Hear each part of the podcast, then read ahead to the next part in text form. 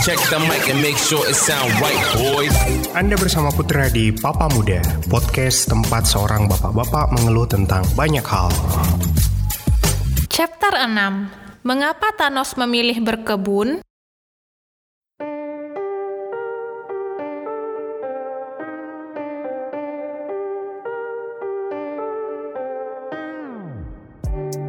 Semesta tidak lagi seramai kemarin. Bahkan di bumi, burung-burung telah kehilangan kawanannya.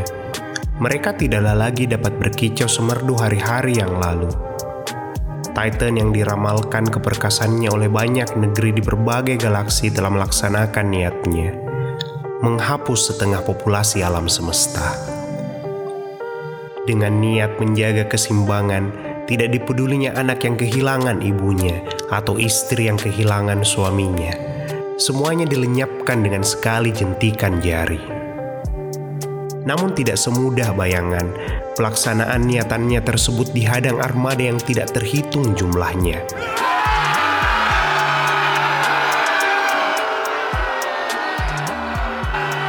Bukannya mundur dan berbalik badan, dipecahnya perang yang akan diingat semua makhluk hidup hingga akhir zaman.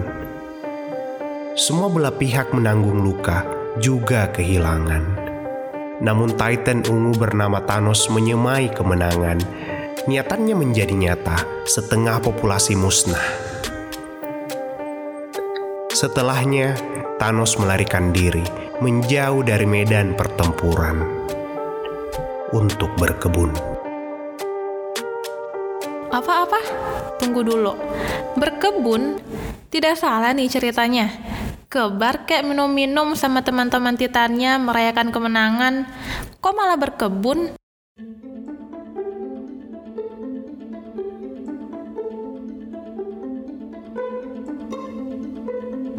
Nebula anak Thanos pernah berkata, I asked where will we go once this plan was complete. His answer was always the same, to the garden. The Garden yang dimaksud Thanos adalah sebuah planet yang bernama planet 0259S, tempat pensiun jika tugasnya telah selesai. Kenapa harus berkebun? Berkebun sepertinya punya banyak arti khusus bukan saja untuk Titan, namun juga manusia. Banyak ahli mengenali sebuah perasaan emosional yang terhubung dengan organisme hidup lainnya yang disebut biofilia.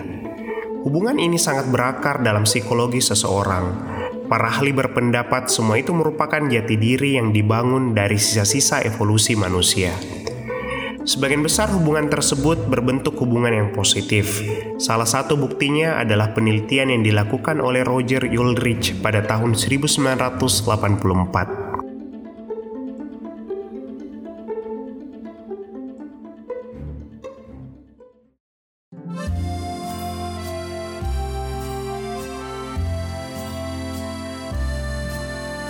Di Rumah Sakit Pennsylvania, Ulrich melakukan penelitian pada beberapa orang pasien yang menjalani masa penyembuhan dari operasi kandung empedu.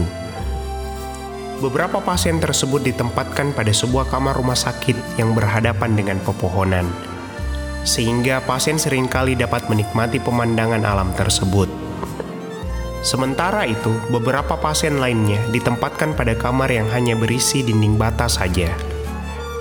Hasilnya adalah pasien yang memiliki akses langsung pada pemandangan alam tercatat lebih singkat menginap di rumah sakit pasca operasi.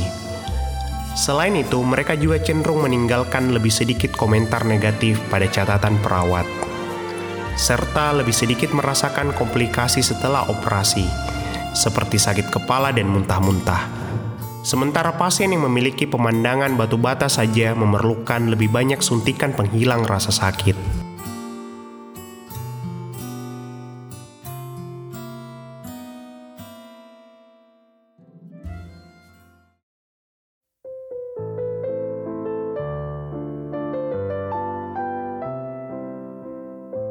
Besarnya pengaruh lingkungan pada kebahagiaan manusia membuat Swiss sebagai salah satu negara yang disebut Eric Weiner sebagai negara paling bahagia di dunia sangat mementingkan kondisi alamnya. Bahkan dicatat oleh Weiner, Swiss rela mengeluarkan anggaran yang besarnya setara dengan 20 miliar dolar untuk menggali terowongan besar di bawah pegunungan Alpen. sehingga truk-truk tidak perlu dibuatkan jalan raya yang dapat merusak keindahan gunung. Truk-truk tersebut akan dinaikkan ke kereta api lalu melewati terowongan menembus pegunungan Alpen.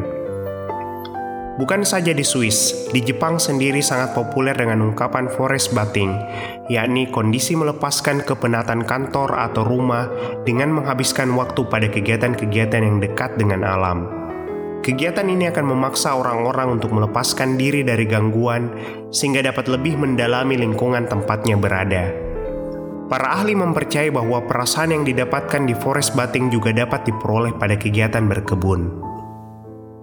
Dalam halaman online Science World disebutkan hal lain juga yang tidak kalah penting dalam berkebun, adalah membuat tangan menjadi kotor.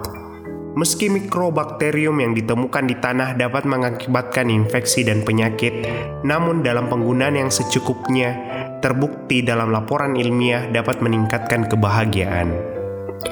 Mikrobakterium yang ditemukan di tanah dapat meningkatkan fungsi otak sekaligus meningkatkan suasana hati. Selain itu dilaporkan pula di Science World bahwa berkebun akan menciptakan keterikatan pada tanaman-tanaman yang kita rawat. Keberlangsungan tanaman yang tergantung pada pemeliharanya akan menumbuhkan tanggung jawab alami. Apalagi tanaman yang dirawat semenjak biji hingga semak yang mekar.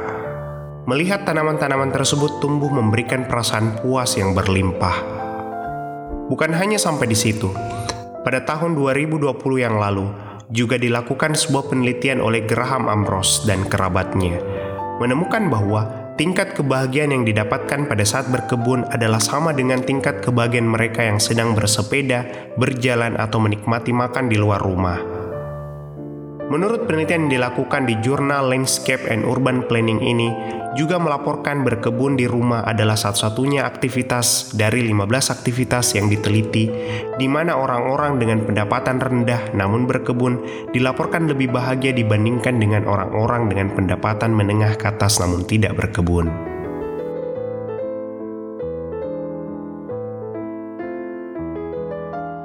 Thanos sepertinya merawat tanaman yang berbuah ya. Apakah jenis tanaman dalam berkebun juga mempengaruhi kebahagiaan?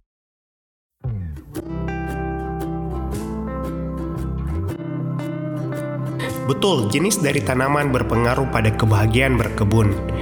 Graham Ambrose dalam penelitian yang berjudul Is Gardening Associated with Greater Happiness of Urban Residents membandingkan antara jenis tanaman ornamen dan sayur-sayuran.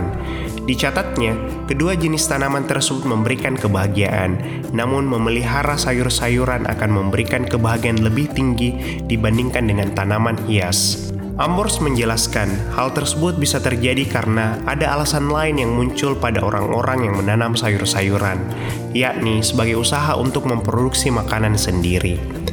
Alasan tersebutlah yang memberikan skor kebahagiaan yang lebih tinggi pada berkebun dengan sayur-sayuran dibandingkan dengan tanaman hias.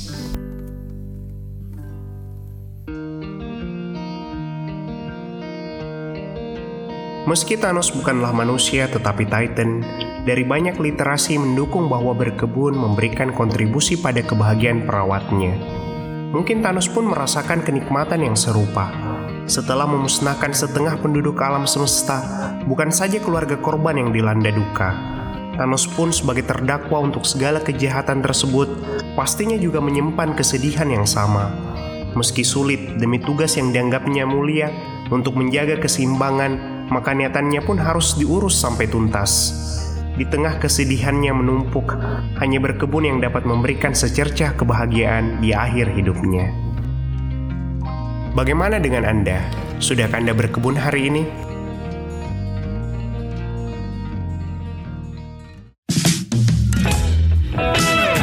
Itulah podcast kita hari ini. Sampai jumpa di lain kesempatan. And let's always remember to be kind to one another.